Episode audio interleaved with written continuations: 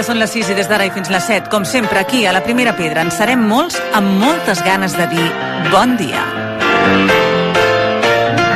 La Primera Pedra, dissabtes i diumenges de 6 a 7 del matí, amb Noemí Polls. One day London City, a crew called C2C. They came to rock the party. Say what? Si parlem de bons hàbits, la nutrició és fonamental. L'Anabel Fernández és directora de nutrició de Coa Center. Anabel, molt bon dia. Bon dia, Noemi. I volem que ens ajudis a tenir bons hàbits. I anem a parlar d'una manera de menjar que sembla que ens facilita la cuina o com a mínim que ens facilita l'hora d'improvisar un àpat, que és fer plat únic. Però ho hem de fer bé. Sí, al final jo crec que culturalment tenim com molt, molt hàbit aquí, ha altres països que no, però aquí el fer dos plats és molt habitual. Uh -huh. I, bueno, fer plat únic està bé, perquè a vegades quan fem dos plats fem de més, no? Perquè moltes vegades la gent va fer un menú, no? I es fa pues, de primer una pasta i de segon una carn amb patata i al final allà, pues, calòricament potser hi ha bastanta quantitat, ja no sé què facis molt, molt esport, pues és difícil de, de que tot això ho, ho hagis d'utilitzar pel teu cos, no? Llavors el fet de fer un plat únic ens pot ajudar molt, però al final també quan fem un plat únic podem tenir l'error de no posar totes les coses que necessitem i començant a només, pues, per exemple, només em poso pollastre i una miqueta d'arròs o només em poso una miqueta de, jo què sé, el que tingui per casa ja d'amanida, però no em poso res de proteïna, llavors hem d'intentar que hi hagi una miqueta de tot. I de fet hi ha una fórmula, diríem, que és la que ens ajuda a que aquest equilibri es quan fas un plat únic. De quina fórmula estem parlant o com, com, ho, com ho estructurem, això? Sí, això seria el que... Abans s'utilitzava molt el que era la piràmide dels aliments, que encara s'utilitza, però és molt poc visual i la gent li costa molt d'entendre, i, i s'ha posat molt de moda a aquesta visió del mètode del plat, no? que va ser el plat de Harvard i que ara està quasi a tots els llocs, que és eh, que intentem menjar eh, que, fent que el nostre plat la meitat sigui vegetal, verdura o amanida, un quart del plat siguin aliments rics en hidrats de carboni, que podria ser, per exemple, arròs, sempre millor integral, pasta, sempre millor integral, patata, eh, o boniat, o qualque, qualsevol tipus de tubercle, i l'altra part hauria de ser un aliment proteic, que pot ser carn, peix, ous, pot ser llegum, que la llegum també ens aportaria proteïna, amb, ai, hidrats de carboni, amb la qual cosa podria ser tota la, la, la part d'hidrats i, la, i la part de proteïna junta, i, i també altre tipus de llegum que podria ser el tofu, seitan, totes aquestes derivats que, que ens podrien ajudar. Llavors, intentem que sempre estigui present totes aquestes coses. Vale? Llavors, Eh, per exemple, que és molt típic, eh, abans parlàvem de fer tàpers, no? Pues uh -huh. Quan fem un tàper de no ens posem dos plats, moltes vegades ens posem un plat. Quines opcions tenim? Perquè a vegades aquí la gent, quan veu el mètode del plat, em fa molta gràcia començar a separar tot, no? Llavors es fa sí, sí, sí, ocupa el plat. Sí, sí, ocupa el plat, però ho fa tot separadet, com els nens, no? que a vegades si es toquen les coses no les volen, no? Pues la gent igual, diu, he de fer el mètode del plat, llavors he de fer amanida i després poso pollastre, després poso arròs. I dius, bueno, pots fer una amanida amb pollastre i arròs, o sigui, Clar, tot barrejat tot està barrejat. bé, no? Només que proporcionalment estiguin les quantitats. I això la gent, l'únic dubte que acostuma a tenir la gent és, bueno, però clar, quina quantitat? Perquè tothom és diferent, no? I és que el mètode del plat no parla de quantitats, parla més de proporcions, ¿vale? Mm -hmm. I sí que és veritat pues, que eh, potser si ets una persona que ets més gran o de, de, de volum o fas més esport, pues necessitaràs més quantitat de, de volum d'aquests aliments i si fas menys, pues, poder, necessites una miqueta menys. I també ens hem de fixar una miqueta amb la part dels hidrats. A vegades els hidrats és com el nutrient energètic i llavors si fas més esport potser pot créixer una miqueta més en proporció a la resta i si fas menys doncs potser pot, pot decréixer una miqueta vale? perquè al final el mètode del plat no és realment el que has de menjar en cada àpat sinó seria en tot el dia Mm. Vale. Per tant, si hem ficat menys amanida en un àpat, eh, podem ficar, o menys verdura en un àpat, podem afegir-ne en un altre, no? Clar, o si estàs esmorzant en trepà, que ja porta pa i no sé què, doncs potser per la nit o Això... pel, al migdia no et cal també estar ficant hidrats si no estàs fent molt esport, no? O sigui, mm, has d'intentar mirar el plat de Harvard com un tot, però sí que és veritat que com a guia per fer un plat únic ens ve molt bé. I llavors, mm. quines opcions de plat únic tindríem? Això que hem dit, no? Fer una amanida barrejada, també podríem fer el tema de les llegums, podem fer llegum amb verdura, ja ens aporta tot, perquè la llegum és hidrat i proteïna, i fiquem verdura i ja està, i aquí tindríem una amanida de llegums, un sofregit de verduretes amb unes llenties i una miqueta de pimentón de la vera, o un curri de cigrons amb una miqueta de, jo què sé, de, de, de verdures variades, pots posar-li esvergínia, pots posar-li una miqueta de ceba. Llavors, al final és fer el mateix que faríem en dos plats, però ho estem integrant tot en un plat, sempre tenint en compte que la verdura no sigui m'han caigut dos tomàquets, sinó que... que a vegades la gent diu, no porta verdura, i dic, bueno, ja. Clar, clar, no, no, això no, no, no, no, no ho acceptem, Clar, eh? perquè moltes vegades la gent quan fa plat únic, la verdura... Se la- se la me- se- se l'evita, l'evita. Hi ha les dues opcions. La gent que diu, ai, se m'ha oblidat la verdura i només es fica la part de proteïna i tot això, i l'altra part, que acostuma a ser gent més gran, que... Eh, al contrari que ens pensem, necessita més proteïna perquè ha de Sí. mantenir la seva massa muscular, moltes vegades fa molta verdureta i tot això la part proteica se l'oblida. Mhm. Llavors hem de tenir en compte no només si és plat únic o dos plats, sinó què estem incloent en cada un d'aquests. Doncs ho tindrem en compte i així ens prepararem també els tàpers ben equilibrats i, i després si fem plats únics també els farem ben equilibrats. Moltíssimes gràcies, Anabel. A tu, Noemi. La primera pedra.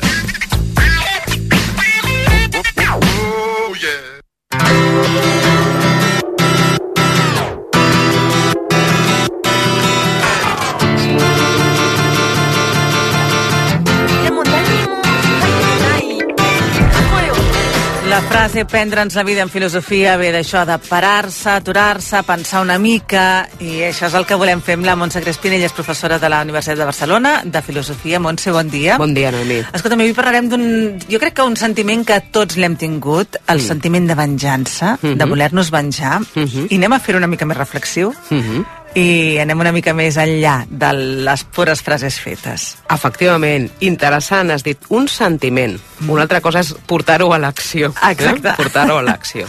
uh, el refrany és molt conegut. La venjança és un plat que se serveix fred. I és un refrany que trobem en castellà, el trobem en català, el trobem també en italià, de la mateixa manera, eh? amb aquesta mateixa forma. La venjança és un plat que se serveix fred. En alemany se'n diu un altre, que també ens sona. La venjança és dolça. En castellà, la forma completa del refrany per mi és molt curiosa. Diu, la venganza y el cangrejo de río se sirven en plato frío. és que és així.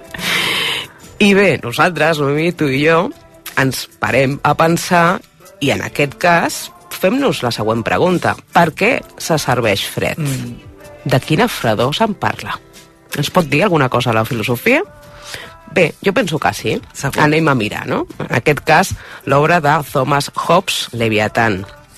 A la primera part de l'obra la dedica a l'estudi de l'home i parla d'altres lleis de la naturalesa. I fixem-nos un moment en el que escriu sobre la venjança. Ens diu Hobbes, una séptima ley es que en las venganzas, es decir, en la devolución de mal por mal, y aquesta és bona definició, los hombres no consideren la magnitud del mal pasado, sino la grandeza del bien venidero. En virtud de ella nos es prohibido infligir castigos con cualquier otro designio que el de corregir al ofensor o servir de guía a los demás. Así, esta ley es consiguiente a la anterior a ella, que ordena el perdón a base de la seguridad del tiempo futuro. Pensem, Noemí, que la fredor és, en part, aquest temps futur, que ens deia Hobbes, aquest temps esdevenidor, i aquesta espera, aquest plat que es refreda, convindrà en aquest bé esdevenidor d'aquell que veurà rescabalada la pèrdua o el greuge. La venjança i el perdó, en conseqüència, demana temps i espera. Contràriament al que a vegades pensem de que la venjança és una reacció sanguínia i poc reflexiva. Exacte, ens allunyem d'aquesta impulsivitat que tant eh, fem servir en el dia a dia i que ens demana més això, més aturar-nos i pensar. I aquí estem amb aquesta venjança. I sobretot, Noemí, donem crèdit al futur, un temps que vindrà, sigui per perdonar o sigui per compensar aquesta devolució del mal per mal que escrivia eh, Hobbes. No sé si estàs d'acord, però aquesta potser és la clau de tot plegat. Tant de qui perdona aquell que s'hi mostra penedit, perquè el perdó garanteix la pau futura, com aquell que torna el mal per mal esperant aquest bé que serà. Mm? Sí, sí, és eh, això que en diríem també la paciència, eh? Efectivament, la qualitat d'aquest plat que se serveix fred de la venjança o d'aquest perdó, que es veurà també més, més endavant, amb aquesta pau duradora, és tenir paciència. Paciència, una virtut del perdó i de suportar el mal i no voler reparar-ho amb el disseny d'un escarment, o bé de prendre la decisió també de la paciència, d'esperar amb calma per poder tornar un mal per un mal. Pacient és aquell que perdona, però també qui es revenja. I tant, doncs uh, reivindiquem això, aquesta paciència, aquest prendre'ns les coses una mica més reflexivament. Però no per venjar-se. Eh? Però no, per exacte, venjar-se. no cal, no cal. Ara bé, paciència sí, per arribar a la via que trobem als humans, a les societats civilitzades, que és a la justícia. Però també paciència per què? Perquè també se'n diu de la justícia que és lenta.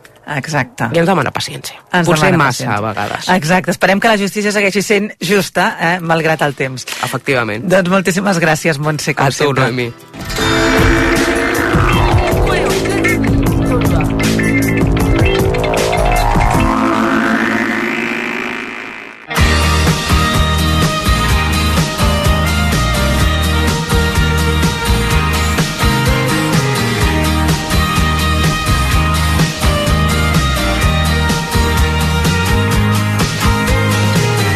I avui volem viatjar i volem conèixer una de les ciutats segurament més visitades i alhora admirades d'Europa.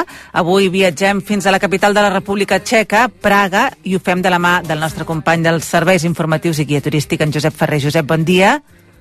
Hola, bon dia, Noé. Praga és d'aquells llocs que tothom tenim al cap de poder visitar algun dia i alguna vegada a la vida. Què és el que la fa tan atractiva? Mira, jo diria que una mica tot, eh? Traslladar-nos a l'època medieval, passejant pel seu nucli antic i alhora gaudir de barris bohemis com el de Malastrana, el romanticisme que desprèn la ciutat, sobretot al capvespre, travessar el pont de Carla sobre el riu Moldava, la història impactant i dura del seu barri jueu o la modernitat i singularitat de la Casa d'en Sant. Ara bé, com que és un destí molt popular, el gran inconvenient és la massificació turística, sobretot a l'estiu, i també dates eh, assenyalades, com els ponts que, que tenim per aquí. Per tant, si és possible, recomano visitar-la fora d'aquestes dates perquè segur que la gaudirem més. Uh -huh. Per on comencem la ruta per Praga? Mira, jo ho faria per la part més turística, per la plaça de la Ciutat Vella, on podem estar una molt bona estona. Recomano visitar-la en diferents moments, és a dir, de dia i de nit. La plaça, presidida per una estàtua de l'heroi local Shanghus, està envoltada per boniques cases senyorials i d'importants edificis com l'església de Nostra Senyora de Tin, en dues torres de 80 metres d'alçada, en forma d'agulla, la casa de la campana de pedra, l'església de Sant Nicolau i l'antic ajuntament amb una torre gòtica de 60 metres d'alçada. Aquesta torre és on hi ha el famós rellotge astronòmic? Exacte, es tracta d'un rellotge del segle XV on cada hora en punt es poden veure desfilar les figures de 12 apòstols acompanyats d'altres figures com l'avarícia, la vanitat o la mort. A l'esfera inferior es simbolitzen els 12 mesos de l'any. Hi ha també els signes del zodíac i l'escut de la ciutat vella. És considerat el rellotge d'aquestes característiques més bonic del món i si no han canviat els horaris funciona de 9 del matí a 9 del vespre. I per on seguim el passeig? Aniria cap a una, un altre dels llocs emblemàtics de la ciutat, a la Torre de la Pólvora, una torre gòtica construïda al 1475 i que va ser una de les 13 entrades que tenia la ciutat vella. El nom actual data del segle XVII, quan es va fer servir de magatzem de pólvora. Al costat trobem la Casa Municipal, un edifici d'Art Nouveau que impressiona per la decoració de la seva façana i on l'any 1918 es va anunciar el naixement de Txecoslovàquia. I quan travessem aquell famós pont de Carles? Mira, ho farem ara mateix, camí del castell de Praga i del barri bohemi de Malastrana. El pont va ser construït en el segle XIV. Destaca per les seves tres torres gòtiques i 30 boniques estàtues que hi ha al llarg del pont, 15 a cada banda. La més famosa de totes és la de Sant Joan Nepomucè, el patró de Bohèmia i que està situada just en el lloc on es diu que va ser llançat a l'aigua per ordre del rei. Noé, i saps què passa si toques aquesta estàtua? Mm, M'imagino, però digues. Mira, si recolzes la mà a la creu de llautó del sant, amb un dit sobre cada estrella, se't concedirà un desig. Vaja, un tòpic dels viatges, però que quan ens trobem amb aquests tòpics o tradicions, tots acostumem a fer-ho. Ah, sí, tens tota la raó, tots piquem. I del barri de Malastrana, què ens recomanes? Mira, Malastrana vol dir ciutat petita i és el barri que ens portarà fins al castell. Aquí hem de visitar la plaça de la Ciutat Vella, l'església de Sant Nicolau, que és un dels edificis barrocs més bonics d'Europa, l'església de Nostra Senyora de la Victòria amb la famosa imatge de cera del nen Jesús de Praga, la columna de la Pesta i recórrer al carrer Nerudova. També recomano donar una volta per l'illa de Campa, que està just sota el pont de Carles. Aquí trobem el mur de John Lennon, que és un homenatge a l'artista i un símbol de les protestes comunistes. Podem veure el pont de l'amor i travessar la Vinarma Sertokova, el carrer més estret del món. Home, això del carrer més estret del món eh, se'n diu de més llocs, no? Sí, cert, i crec que la ciutat alemanya de Retulingen n'hi ha un encara més estret que el de Praga, però no s'hi pot passar en aquest carrer. El carrer de Vinarma Chestokova té només 10 metres de llarg per 50 centímetres d'amplada en el punt més estret, i com que no es poden creuar dues persones, fixa't, eh? perquè clar, no, no passarien, han posat un semàfor per regular el pas. doncs com sempre ens aportes coses curioses. I arribem al castell? Sí, aquí no trobarem el típic castell, sinó que es tracta d'un gran complex format per diversos edificis com la catedral de San Vito, que és el lloc on es van coronar els reis de Bohèmia, l'antic Palau Reial, el convent de Sant Jordi, diverses torres i el carrador d'or amb cases de coloraines i plenes de botigues on venen titelles, que és un dels souvenirs típics per portar en tot viatge a Praga. I encara no ens has parlat del barri jueu. Cert, ho volia deixar pel final, perquè la seva visita és una mica dura per tot el que comporta.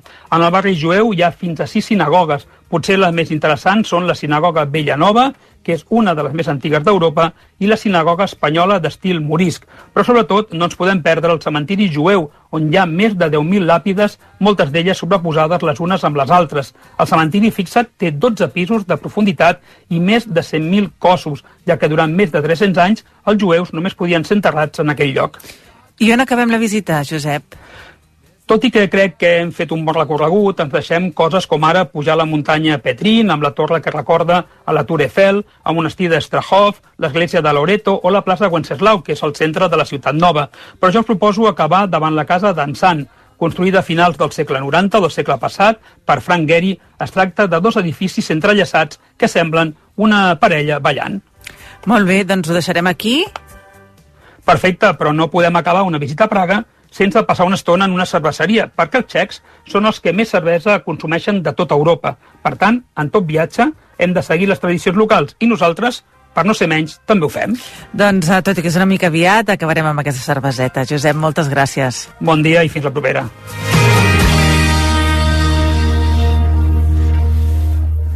I mentre preparem viatges pels dies de vacances que han de venir, volem gaudir del camí i en Jordi Margarit ens fa una proposta per fer una sortida a casa nostra. Bon dia, Jordi. Bon dia, Noé.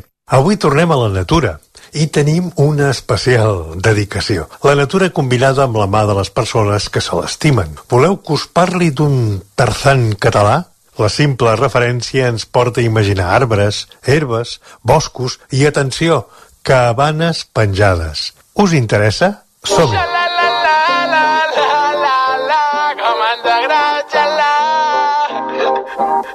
Inspiració i misteri són les dues idees que em venen al cap quan em disposo a parlar-vos del Parc Garrell a l'entorn de la preciosa localitat de Besalú.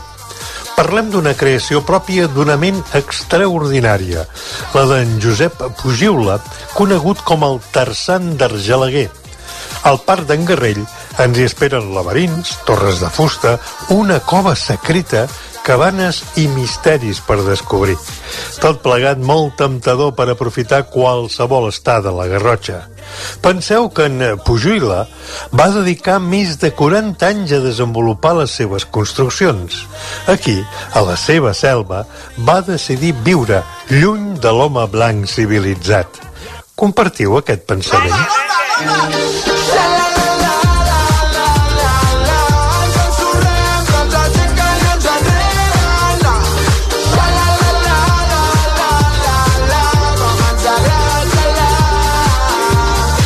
Aquest idealista es considerava un ocupa de la natura i no entenia la manca de respecte de bona part de la societat cap al medi ambient.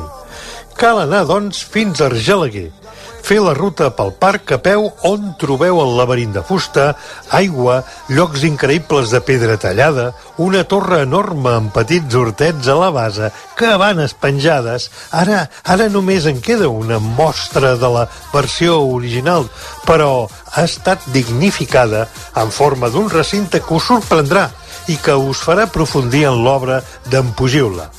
El Parc d'en Garrell és una opció de visita singular que us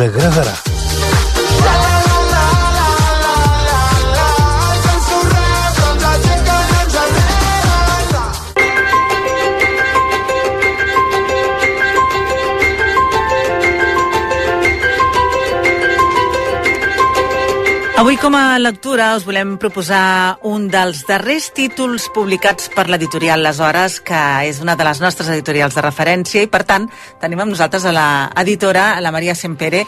Molt bon dia, Maria. Hola, molt bon dia. Escolta, parlem dels plats més picants de la cuina tàrtara i no és un llibre de receptes. Exactament. És un títol suggerent que realment esperem i a més també la, a la coberta trobareu com uns, uns estris de cuina dins d'un pot, així que pot semblar-ho, però realment no és una novel·la sobre llibres de cuina és la tercera novel·la que publiquem de l'escriptora Alina Bronsky, que és una, autor, una escriptora que ens agrada moltíssim. D'ella ja hem publicat el nostre bestseller de l'editorial, que és L'última mort de Babadunia, la història mm, d'aquesta àvia de Txernòbil, que és molt bonic. Després hem publicat també La trena de la meva àvia i ara publiquem els plats més picants de la cuina tàrtara, que seria com el, d'aquests tres, seria com el primer llibre que ella va escriure, i és el llibre que realment la va donar a conèixer a l'escriptora, la Lina Bronsky, a Alemanya. És una escriptora, ella és una escriptora d'origen rus, però que viu a Alemanya des de molt joveneta, i, bueno, ja és una, una dona de tipus de 40 anys actualment, però eh, aquesta seria la novel·la amb la que es va donar a conèixer. Com sempre, a aquesta autora li agrada molt parlar, les seves protagonistes sovint són àvies, no? Àvies. senyores que ja han tingut fills i nets. Està molt bé.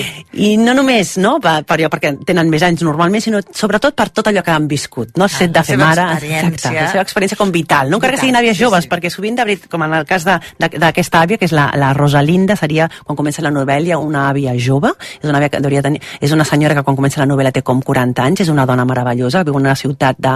Estarem com situant aquesta novel·la als anys 70 en una ciutat de, de la URSS, no? quan encara era una, la, pertanyia, era la Unió Soviètica, i aquesta senyora és una senyora, senyora eh, molt meravellosa i molt estupenda i molt arreglada i molt meravellosa. Cada cop i volta veu que la seva filla, eh, que té com uns 20 anys, es queda embarassada de cop i volta, intenta que la seva filla avorti perquè ja és massa jove com per ser àvia i sembla que aquesta filla ha estat embarassada mm, en un somni, d'acord? No se sap ben bé d'on ve aquest fill, o això és el que diu la seva filla. De manera que intenta que avorti, però això no, no té èxit, aquest procediment una mica eh, rutin, eh, antiquat, no?, per intentar fer, intentar rompre aquest embaràs no té èxit, de manera que naixerà la seva neta, la Minat. I això fa que la Rosalinda, que sempre ha sigut una dona molt autoritària i molt ferma, a partir d'aquest moment... Eh, Se li els esquemes. Totalment. I adorarà la seva neta quan la seva filla sempre ha trobat que era molt lletgeta, així com ella és meravellosa, la seva filla sempre ha trobat no, que no, no acabat d'estar com en la línia no, genètica bona de, de la família. En canvi, la neta sí, i a partir d'aquesta adoració que, ten, que sent per la seva neta, ja dedicarà tota la seva vida que la seva neta, estem parlant de que encara estem a, a, a la Unió Soviètica, eh, tingui una vida millor. Val? De manera que viurem també el que seria bueno, tot el, eh, no? la, la crisi en la que va entrar eh, la Unió Soviètica i aleshores el que fa aquesta àvia és intentar, mitjançant inten eh, casaments, intentant casar a la seva filla amb un estranger doncs, que elles puguin viatjar a la seva terra promesa que seria Alemanya. Val? Això ho aconsegueixen, heu de llegir la novel·la, hi ha molta, molt, molt tema per mig i realment acaben eh, doncs, a Alemanya la, tema, la terra promesa i veurem que allà bueno, tampoc és allò que esperaven no? o allò que, No lliguen els gossos amb no llangonisses. llentir. Com sempre, la Lina Bronsky, i en aquest cas també, hi ha molta ironia i molt sentit de l'humor. O sigui, aquesta Rosalinda és un personatge molt peculiar. Si recordeu com era Ja, la Babadúnia, Babadúnia, exacte. Doncs aquesta és una àvia molt diferent que la Babadúnia, absolutament diferent, però una dona, molt, imagineu-vos-la, no? no? Molt estupenda, ella que sempre sap el que cal fer i de quina manera cal fer-ho. Una no? dona potent, una dona Sí, potent. Aquest és el títol que dèiem ara, els plats més picants de la cuina tàrtara, i ara ens proposes un altre que estarà a punt de sortir i que segurament qui vulgui mirar ja per Sant Jordi pot un dels títols que, que prometin, també, que és L'amor dels homes singulars, que en aquest cas és d'un autor, d'un home, del Víctor Heringer, i explica'ns una mica de què va. Doncs mira, eh, el Víctor Heringer és un escriptor que malauradament eh, va, bueno, va començar a publicar diferents títols, Auto, au- Automatògrafo, Glòria, que són dos, dos novel·les que van rebre un reconeixement molt important. Estem parlant de, dels anys 8, de, dels, de, tipus cap a l'any 2010 a, a, al Brasil. Era un escriptor molt jove, tenia 30 anys, però malauradament, eh, tot i que aquestes novel·les i també la que nosaltres ara publiquem, que és L'amor dels homes singulars, després d'escriure aquests tres títols que els van donar eh, a conèixer i que era d'unes veus més prometedores, es va treure la vida aquest, aquest jove escriptor i malauradament només mm, bueno, hem pogut tenir no? i nosaltres esperem seguir publicant també altres títols d'aquest autor perquè realment és un autor meravellós i amb aquest amor dels homes singulars que ha estat traduït per Pere Comelles ens explica la història d'una d'un jove que té 15 anys ell és fill, eh, viu a un barri be- benestant de Rio de Janeiro estem, estem als anys 70 el seu pare va va ser metge eh, durant la dictadura i no se sap ben bé eh, no? Ah, fins a quin punt estava implicat, però sembla que, que bastant, val? en totes les tortures i les desaparicions de persones no? que, que van passar en aquest país, i veient com, a, com a, que en un moment donat a la seva família, no? que és una família benestant, on, on viuen en una casa meravellosa amb piscina, no? al mig de, de Rio de Janeiro, eh, el pare porta a un, a, un, a un altre noi jove que té 14 anys com per adoptar-lo. No? no se sap ben bé quin és l'origen d'aquest jove, però ja es veu que no? seria el, el fill d'algú que ha desaparegut, alguna cosa tèrbola. No? Primer, evidentment, el, el protagonista de la nostra història rebutja aquest nou germà adoptat, no? ja de 14 anys com ell, però entre ells dos sortirà, sorgirà un amor adolescent no? entre, els, entre els dos joves. I aleshores la història seria, ha tota una reflexió de fons sobre la, la, la descoberta de l'amor, en aquest cas d'un amor homosexual, eh, l'acceptació no? d'aquesta realitat per, per part de, no? de, de l'entorn social en el, en el que ells viuen, vale? aquesta casa benestant està en un barri eh, una mica més pobre, viurem també la realitat social i de, la diferència social entre viure a la casa o viure al barri i bueno, realment ens transporta a una realitat dels anys 70 i malauradament bueno, eh, aquests, eh, un dels dos joves eh, pateix un, un, un fet dramàtic que fa doncs, que l'altre se'n ressenteixi per tota la seva vida. Seria una mica la història, aquesta història d'amor adolescent i com aquesta història, bueno, a partir dels fets que passen, doncs com en la vida adulta, no? com això ha afectat, no? doncs acaba faltant a cada un d'ells o un dels dos. Doncs aquesta és la segona proposta de les hores, l'amor dels homes singulars, de Víctor Heringer, que, que segurament per Sant Jordi podrem disfrutar, però que està a punt a punt a punt de sortir les llibreries. Si ja teniu molta pressa, doncs escolta'm, els plats més picants de la cuina tàrtara és el que estàvem dient, l'autora és la Alina Bronsky i ja l'havíem conegut amb altres títols i per tant una garantia segura. Com sempre ho són les propostes de les hores Maria, com sempre un plaer, moltíssimes gràcies. Moltes gràcies a vosaltres i bones lectures. Exacte, igualment. La primera pedra, dissabtes i diumenges de 6 a 7 del matí amb Noemí Polls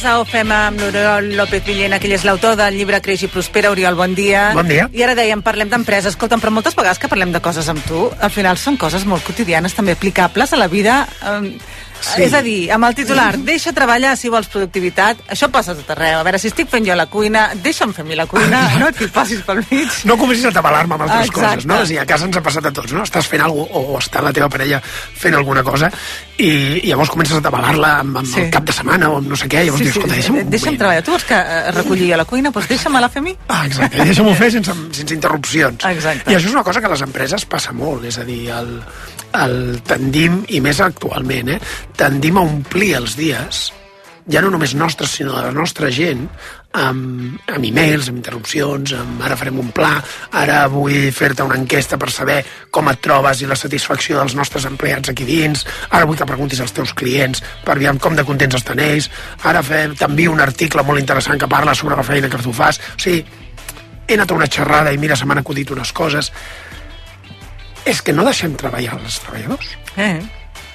És que si tenim a la gent atabalada amb coses diverses, no estan fent la seva feina. Que de fet tu ens deies això, enllaça amb l'última vegada que vam parlar, no fem tantes reunions, Clar. doncs aquí és, És- evident. A vegades les reunions és omplir el temps de coses improductives. Clar, llavors, el, jo crec que en aquesta, en aquesta vida, a mi el meu pare sempre em deia, quan vaig agafar les, les regnes, podríem dir, del despatx, el meu pare em va dir una cosa molt simple, dir, sigues clar amb el que vols que l'equip faci i deixa'ls treballar.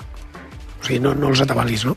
I jo crec que és això, és a dir, si ets clar amb els objectius, amb allò que vols que, que facin els treballadors, ells ja tenen els coneixements, per això els has contractat, i els hi deixes prou temps.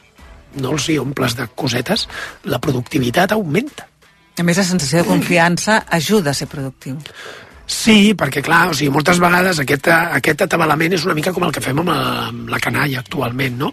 Que és que volem estar sobre de tot. L'altre dia un pare em deia, és que han anat de colònies, els meus fills, i en el grup de WhatsApp dels pares, una hora després, o dues hores després, un deia, escolta, no ens han dit res de l'escola si han arribat bé. I dius, escolta, han anat a colònia, s'ha agafat l'autocar i han marxat. Vull dir que no cal que et diguin res. Llavors, tot aquest esperit de voler controlar-ho tot és un esperit que ens va en contra de la productivitat. És a dir, acostumem a interrompre per veure que s'estiguin fent bé les coses com nosaltres volem. Acostumem a no tenir confiança o tot i, tot i dir que en tenim, ens posem a sobre per veure si ho fan bé o si no ho fan bé. És més, no tenim confiança ni en els coneixements perquè els apuntem a 300 cursos diferents o els hi donem uns apunts que hem, que hem agafat d'una xerrada o el que sigui, o els hi compartim un vídeo a YouTube. És, no, no confiem en l'equip. Uh -huh. I, Sí, sí. I aquesta és la clau, o sigui, has de confiar, has de deixar que l'equip treballi. Uh -huh. I suposo que deixar que l'equip treballi també, mm, a part de la confiança, requereix un equip ben preparat. Clar, és a dir, però jo, jo això sempre dic que ho dono per, per, per sentat. És a dir, si tu no tens l'equip que vols, llavors canvia. Però, però si tens l'equip que vol perquè l'has triat, has buscat la gent, i, i, i, i si l'has triada és perquè estaves content amb això, eh, deixa'ls que facin el que vulguin. Això és com si tu agafessis a Messi i et posessis al costat de Messi i, i l'anessis dient, escolta, espera, abans de regatejar, mira, mira això, per què no ho fas d'aquesta manera? O sigui, si, si li anessis donant instruccions mentre penca, Això és, eh, això és més transcendent del que sembla, perquè moltes vegades aquestes interrupcions són gairebé innates i la voluntat de controlar la tenim tots. Clar, llavors això va en contra de la productivitat. És a dir, tu vols que l'equip sigui productiu? Deixa'l tranquil. Sí, sí, sí. M'ha agradat començar i tancar ara amb aquest titular. Deixa treballar, si vols, productivitat. Exacte. Oriol, la setmana que ve o d'aquí dues setmanes, més. Gràcies. Que vagi molt bé.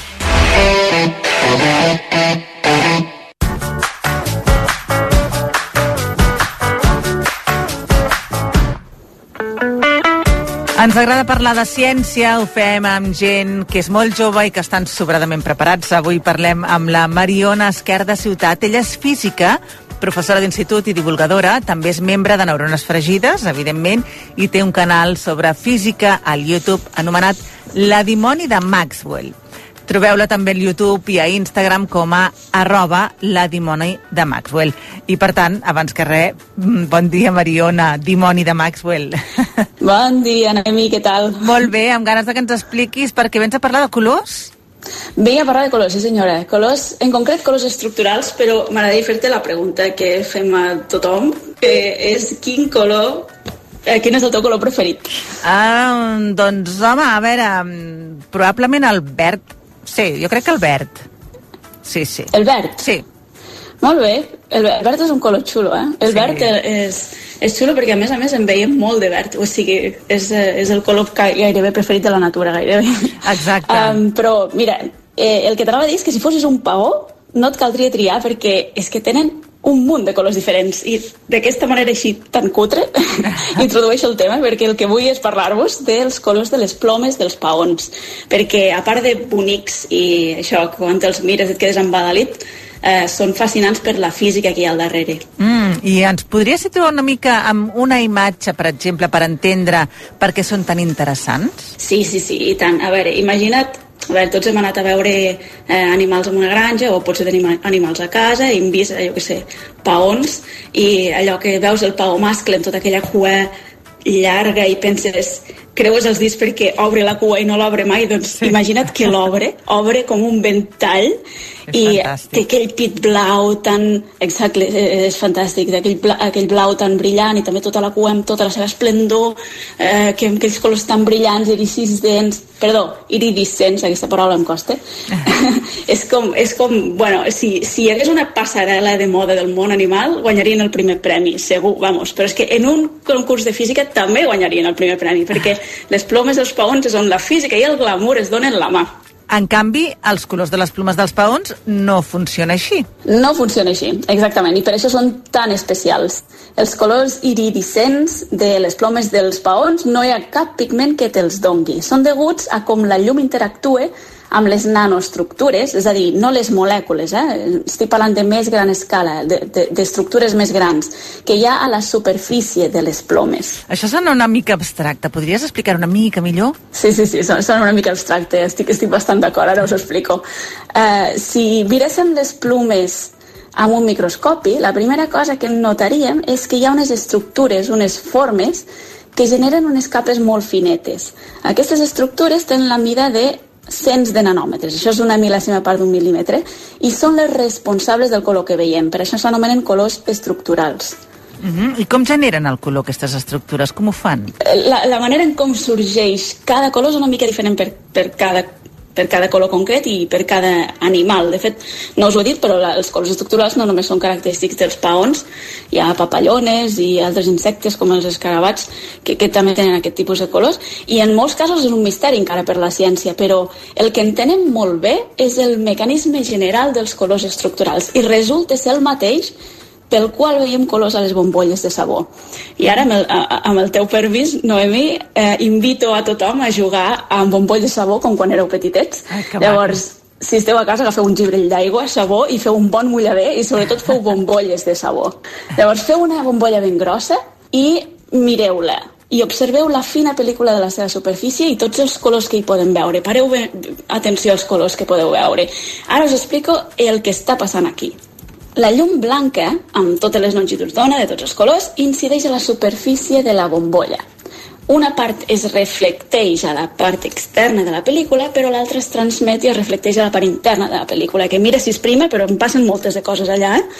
Les dues reflexions de tornada es troben interfereixen. I aquí, a la interferència, és on hi ha la xitxa física. Llavors, què passa? Doncs, si les dues ones no estan gens desfasades, és a dir, coincideixen la cresta amb la vall de l'una i de l'altra, se sumaran. Això se'n diu interferència constructiva. I el resultat és una ona molt exagerada, amb crestes molt altes i valls molt profundes. Això, en el cas dels colors, correspon, correspon a amplificar un color molt, amplificar-lo molt i fer-lo brillar moltíssim. Llavors, ara, pregunta per a tu, Noemi, si això que acabo d'explicar, que fa brillar molt els colors, és interferència constructiva, el cas oposat, quin t'imagines que pot ser? Imagino que deu ser interferència destructiva, no? Exacte, si no és constructiva, doncs l'altra és destructiva, doncs és exactament així. Doncs això passa quan les dues zones estan tan desfasades que la cresta d'una coincideix amb la vall de l'altra. Abans teníem cresta amb cresta, ara tenim cresta amb vall. Llavors el que passa ara és que els dos colors, les dues ones, s'anulen i no en queda res de res. Llavors, en el cas dels colors, correspon a apagar un color concretament. O sigui, un, un color ja no el veiem. I això, això és molt fort, si tu penses, perquè el que vol dir és que llum més llum igual a foscor. Doncs aquí la clau és que el gruix de la bombolla és el que determina si la interferència serà constructiva o destructiva per un color concret. Val, i ara sabem el color de les bombolles de sabó, però el de les plomes, què passa? Sí, sí que passa aquí. Hem fet una excursió una mica llarga, hem parlat de bombolles, però ara arribem als paots i passa exactament el mateix. Doncs, en lloc de tenir una pel·lícula, el que tenim és una estructura. Llavors, la llum blanca incideix a les estructures nanomètriques de les plomes, les que he dit abans que podíem mirar amb el microscopi, i la reflexió es reflecteix en diferents parts de l'estructura. Aquestes reflexions interfereixen, igual que en el cas de la bombolla, i ens donen els colors que, que podem veure. Per exemple, el cas de les plomes del cos del paó, que veiem blaves, aquell blau tan brillant, és perquè les nanoestructures fan que el color blau tingui una interferència constructiva, així s'amplifica i el fa brillar moltíssim. O sigui, quan un paó desplegue tota la seva cua, no només és una exhibició de glamour per atreure parella o per marcar territori, sinó que també és una declaració del domini de les lleis de la física. Estic convençuda que a partir d'ara ens mirarem diferent les plomes dels paons. Sí, les podem veure perquè ens les ensenyen, perquè això és una altra. Sí, sí, sí, sí tenim aquesta sort, no? Ah, exacte. Moltíssimes gràcies i ja sabeu, la podeu seguir a arroba la dimoni de Maxwell a les xarxes. Moltíssimes gràcies, Mariona. Gràcies, que vagi bé.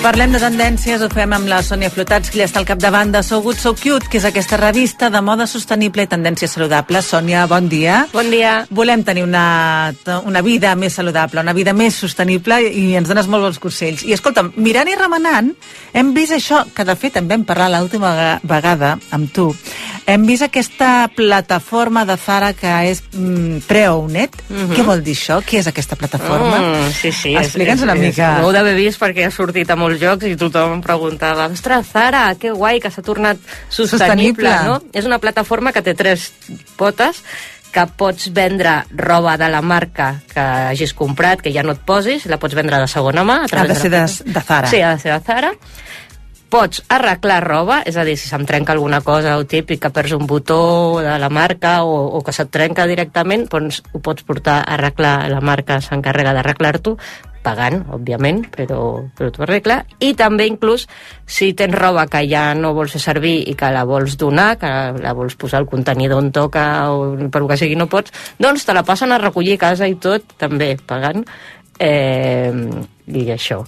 Llavors, clar, molta gent m'ha dit ostres, que bé, no, Zara, que... Home, en principi sí, sona bé que es pugui tot arreglar, donar aquella segona vida que dèiem que també era Mhm. tendència a donar segona vida a les coses i no, i no tirar-les directament, però, clar, eh, no sé jo si deu sortir a compte o no.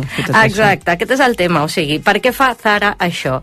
Eh, S'han tornat les germanetes de la caritat, estan preocupades pel medi ambient, espero que sí, que aquesta última sí, però no és exactament així. El que estan preocupades és per la legislació que ve. O sigui, la Unió Europea està a punt d'aprovar una sèrie de directives i reglaments que al final el que diuen és això, fer la roba més durable, obligaran a les marques de roba i d'altres productes, eh, no només del textil, a fer-ho molt més durable, a fer-ho reparable, a fer-ho reciclable, a fer-ho fàcil de mantenir i inclús quan la persona ja no vulgui fer servir aquella peça de roba a facilitar-li com desfer-se'n d'una manera responsable i sense contaminar, no? El mateix que fem amb les rentadores que ens les venen, els electrodomèstics ens els venen a buscar quan en comprem un de nou, doncs amb la roba també tal.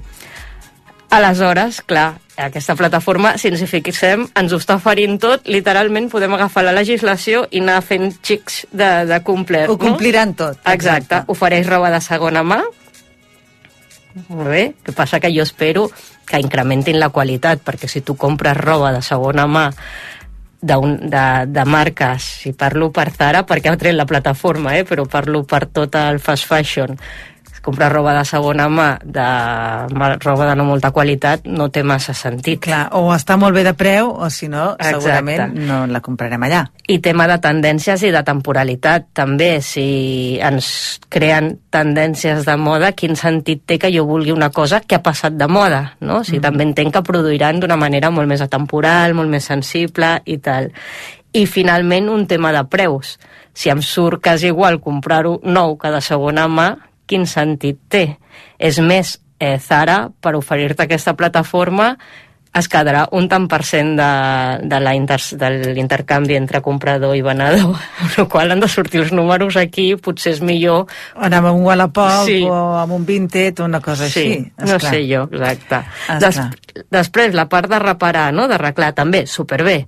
Però, clar, eh, ha el no- simple fet que vingui un transportista a casa meva a recollir aquesta roba, o que jo la porti a botiga, que sé que n'hi ha algunes que te l'agafen, però que no sé on se l'emporten, que, que no ho he sapigut veure, si algú sap o sigui, on ho arreglaran això, i això té un impacte ambiental de transport que potser, potser hagués sigut millor que m'haguessin dit escolta, et geolocalitzo i mira, al teu barri hi ha aquests negocis locals, fomentem el consum responsable de proximitat. En aquestes costureres o costurers que saben eh, reparar Sí. la peça i que ho tens al costat de casa. Exacte. Els hi donarem feina a ells i a més a més una segona vida a la teva Inclús podrien formar tallers socials, o sigui, tu imagina't eh, de persones amb risc d'exclusió que, que aprenen l'ofici de, de, de cosir, doncs recomanar, no? Dir, mira, en aquests punts i els hi hem servit ma, em, em, eh, botons i coses nostres perquè tinguin, saps? I com uns tallers recomanats. Un projecte, jo m'imagino una de projecte superxulo. Clar, clar, no, anava a dir ningú millor que la Sònia per donar possibilitats infinites perquè aquesta sostenibilitat sigui real i que tanquem el cercle amb Exacte. moltes coses i en molts àmbits. Exacte, ja que ho fem ben fet. Exacte, ja que I- ho fem, fem-ho bé. Sí, i no m'enrotllo més, però el tema de la recollida també. Molt bé que m'ho vinguin a buscar a casa, però em fan pagar eh, per recollir, per, per un cost de 1,95, ja he apuntat aquí, per venir-m'ho a buscar.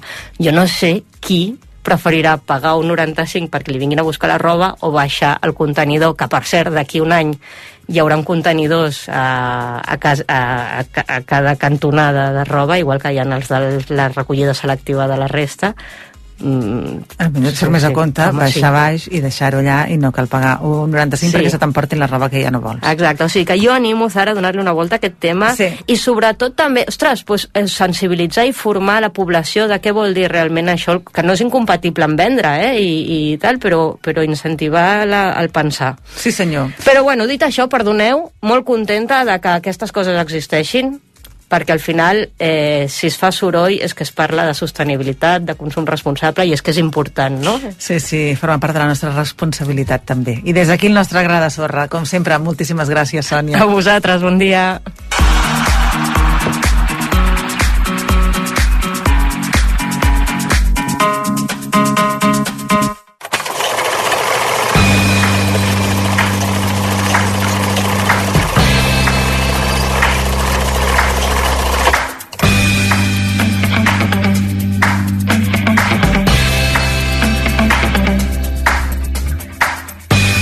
Joan Maria Morros, anem al cinema avui, sí o no?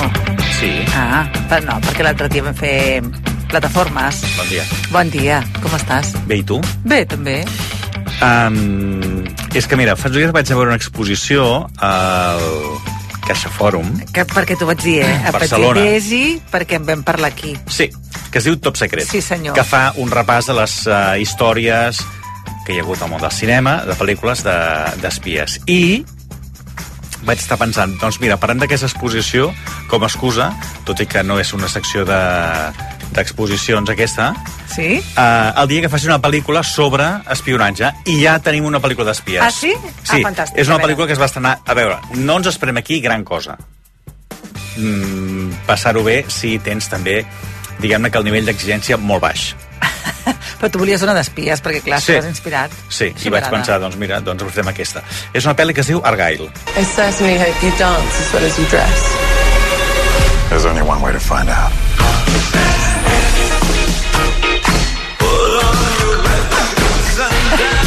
Què? Que de moment la, la música ja m'encanta. Ja La música, sí, diguem-ne que igual és el que t'agradaria més de la pel·lícula. Sí? Vaja. Sobretot, el nivell d'exigència és, diguem-ne, que bastant baixet. És una pel·li que la pots veure el dia, eh, que és el dia de l'espectador, que Ah. l'entrada està un pel·lícul més baixa. Però està bé veure-la eh, en pantalla gran. I aquí, eh, com que tens el nivell d'exigència molt baix, et creus tot el que passi a partir d'aquí. Aleshores veiem una pel·lícula d'espies, comença i després resulta que això ens ho explica una escriptora que es diu Ellie Conway, eh, que té molt èxit escrivint històries sobre eh, l'espia aquest, Argyle. I aleshores, a partir d'aquí, veiem com es barreja la ficció de les seves novel·les amb la realitat quan amb ella la comencen a perseguir per alguna història. Què et sembla? Em sembla bé, El que passa bé, eh? Sí. Sí.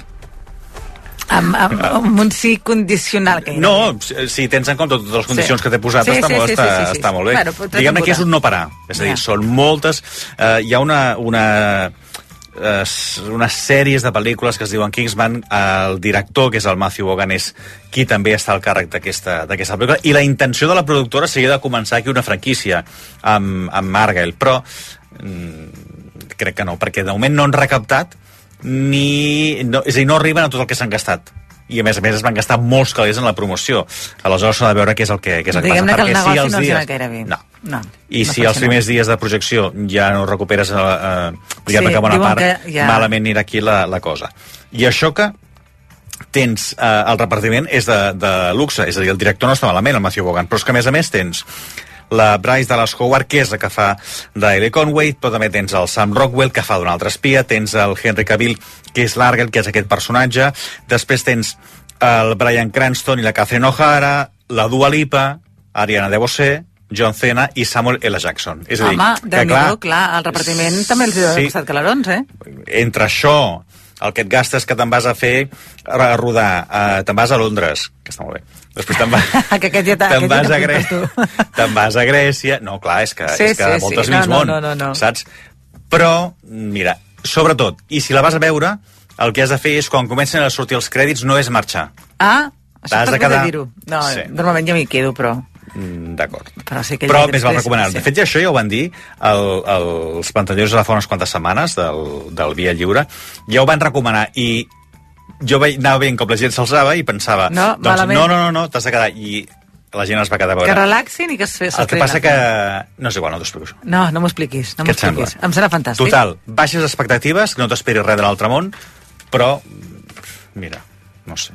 El títol Argyle. Argyle, és que no sabia com es pronunciava. Sí, No, Argyle, de fet, total. de fet eh, És que s'escriu tenir- Argille.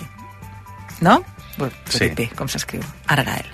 Bé, bé. Sí, perquè saps tu que l'anglès, diguem-ne que res es pronuncia de la com ho escrius. No, no, clar. Doncs pues és, és això, què et sembla? Em sembla fantàstic. Uh, demà sèrie televisiva... Sí, que, que està Ah, bé, està sí? molt bé. Ja he sí. vist quina, de Què? ens parlaràs. Bé, bé, bé, bé. Em ve de gust que em diguis a veure què tal. Està bé, està bé, està bé, Va, està bé. Doncs demà estiguem atents. Molt bé. Que vagi bé. Adéu. La primera pedra, dissabtes i diumenges de 6 a 7 del matí.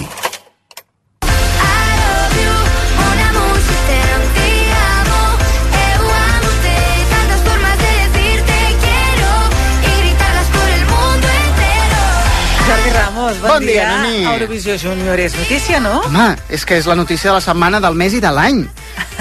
Eurovisió Júnior es farà a l'Estat i a més Barcelona s'ha ofert a acollir-lo. T'imagines? Sí, bueno, recordem que li tocava a França, Sí. que el va guanyar, però com que ja ho han fet dos cops en tres anys i a més aquest any a més els esperen els Jocs Olímpics i els Paralímpics, doncs van dir que un esdeveniment tan gran doncs potser eh, no caldria ara i llavors ha passat el testimoni al segon classificat que va ser Sandra Valero. Doncs mira, ja ho tenim. I és que tenim molt... és que és molt gros.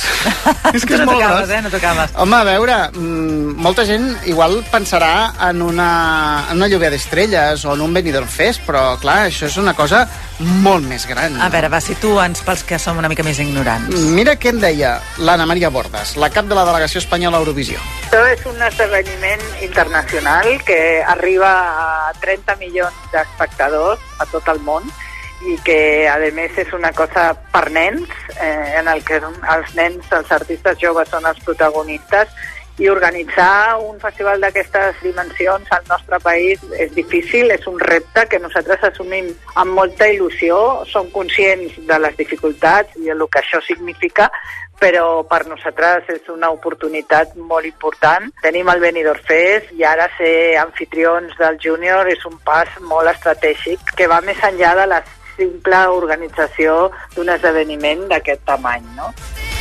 Doncs mira... Pas estratègic que qui sap si algun dia pot arribar a fer el sènior doncs, a, a l'Estat. Pel que fa a aquesta edició d'Eurovisió Júnior, eh, malauradament només tenim el titular, és a dir, ens falta tota la resta. Ens falta saber el lloc, ens falta saber quants països participaran, i la data, tot i que sol ser novembre, desembre, mm, aquest any era el 24 de novembre, veurem, no? El que sí que han destacat a Torri a dret és que enguany celebraran els 20 anys d'aquesta victòria. Antes muerde que sencilla. Ay, que sencilla. Ay, que sencilla.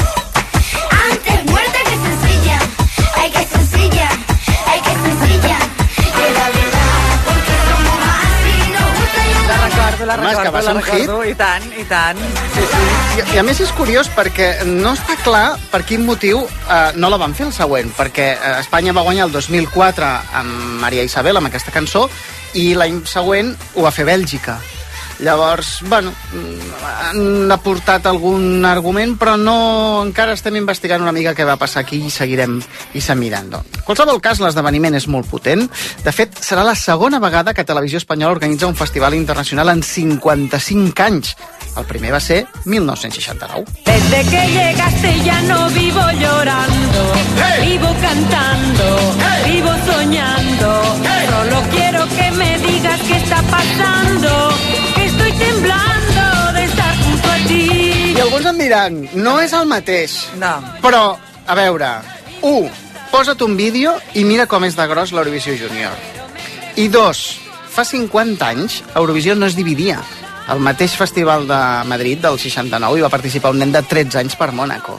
La qual cosa, sí, és un gran esdeveniment, és un festival d'Eurovisió, només que és la secció infantil, que és més petit, sí, però l'any 50, a l'any 69 t'asseguro que no tenia res a veure Segur. amb el macroespectacle Que que veurem a Malmo, no? Sí, sí. No sé, mentrestant, ja que parlem de Malmo, A veure...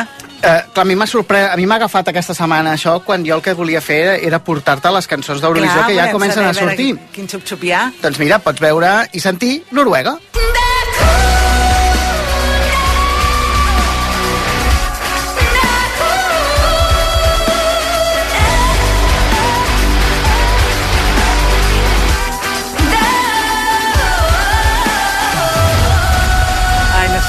Mira, porten una cançó que en el seu, eh, és en el seu idioma està interpretada per Els Gate, que era un grup de folk i rock que va ser molt famós als 2000, una cançó que es diu Ulvenham, i que significa home llop. Va, Suposo que jugaran al joc sinistre, però per sinistre no Què? et perdis Irlanda. Ah, sí?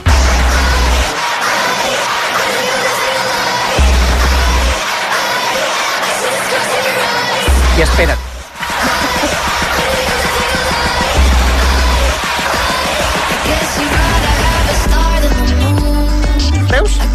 ara ha canviat.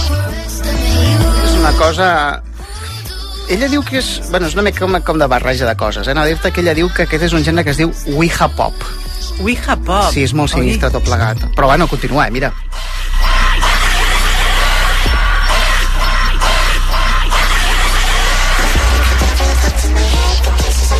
Ai, fa una mica de por, eh?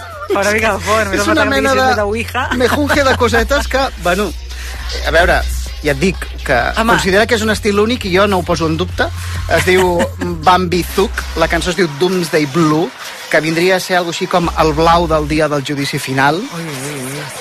Però, bueno, En fi. te'l deixo sobre la taula, Eurovisió aquí ja la té, tens. Això, eh? Eurovisió ja ho té, que a vegades hi ha coses estranyes i que Sí. ens sorprenen. Van. Diguem-ho així. Per estranys, el Va. successor dels Cha-Cha-Cha. Finlàndia,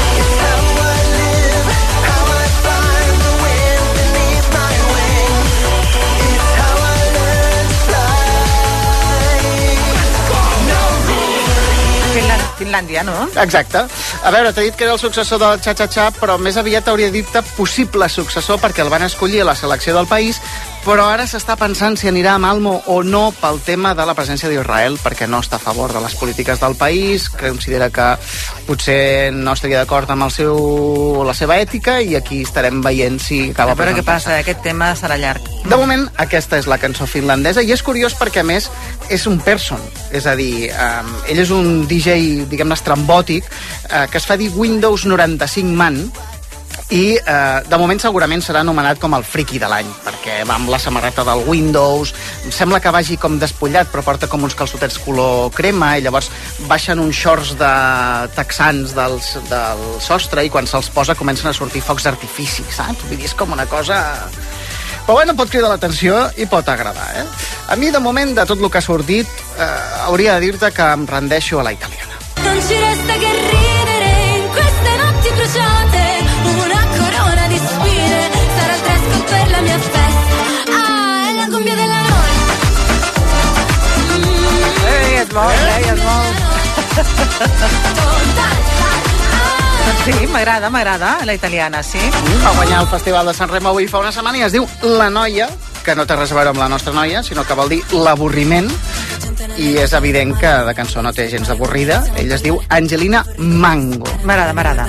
Mira, per variar, com altres vegades, el que he fet és posar-te les favorites hores d'ara. Aquestes són les 5 que encapçalen les apostes a aquest moment per ordre. És a dir, la italiana va segona, t'he de dir que Zorra està setena entre les cançons escollides, i la primera torna a ser, un cop més, Ucraïna.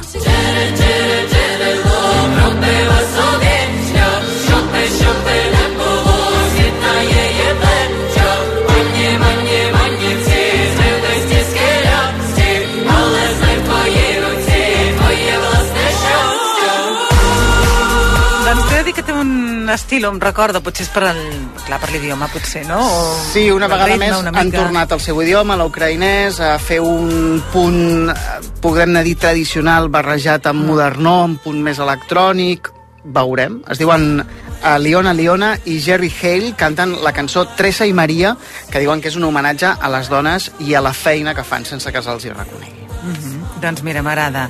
Uh, ens en falten, eh? Ens en falten. En tenim encara, 13 de cançons anirem de moment, n'hem sentit 5, n'hi haurà d'haver 37, vull dir que ja anirem fer, sentint, ja anirem veient, ja a veure què passa. Haurem de fer les nostres pròpies apostes, també, eh? A mesura que s'acosti al festival, a veure què passa. No dubtis. doncs, Jordi, uh, fantàstic. Uh, ens quedem amb què? Amb aquesta, que sí, soni? Sí, clar, doncs sentim-nos la favorita hores d'ara. És veritat, doncs vinga, a veure que què soni. sembla. Val, perfecte, que vagi molt bé. Igualment, bon dia. Bon dia.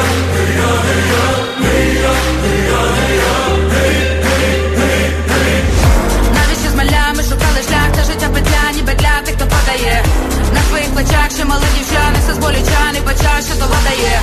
Знову не така, то на то ляка, одяг на кістках, голяка, чи то підвінець. дитя, що твоє життя, та роки злетять і затям скоро вже кінець І хай хтось хоче, аби ми зламались, як бував тобі заряду, не полікоть, а по палиці Хай хтось ховав за посмішкою ненависті задись, коли ти пускаєш серце ні в добра любові за A CaixaBank sabem que acompanyar-te és estar amb tu sempre que ho necessitis. I com que volem que protegeixis el més important, et mantenim el preu de les assegurances de salut i de vida i de l'alarma Securitas Direct sense pujades durant 3 anys. Informa't en la teva oficina o a caixabank.cat. CaixaBank. Tu i jo. Nosaltres. S'aplica les assegurances MyBox.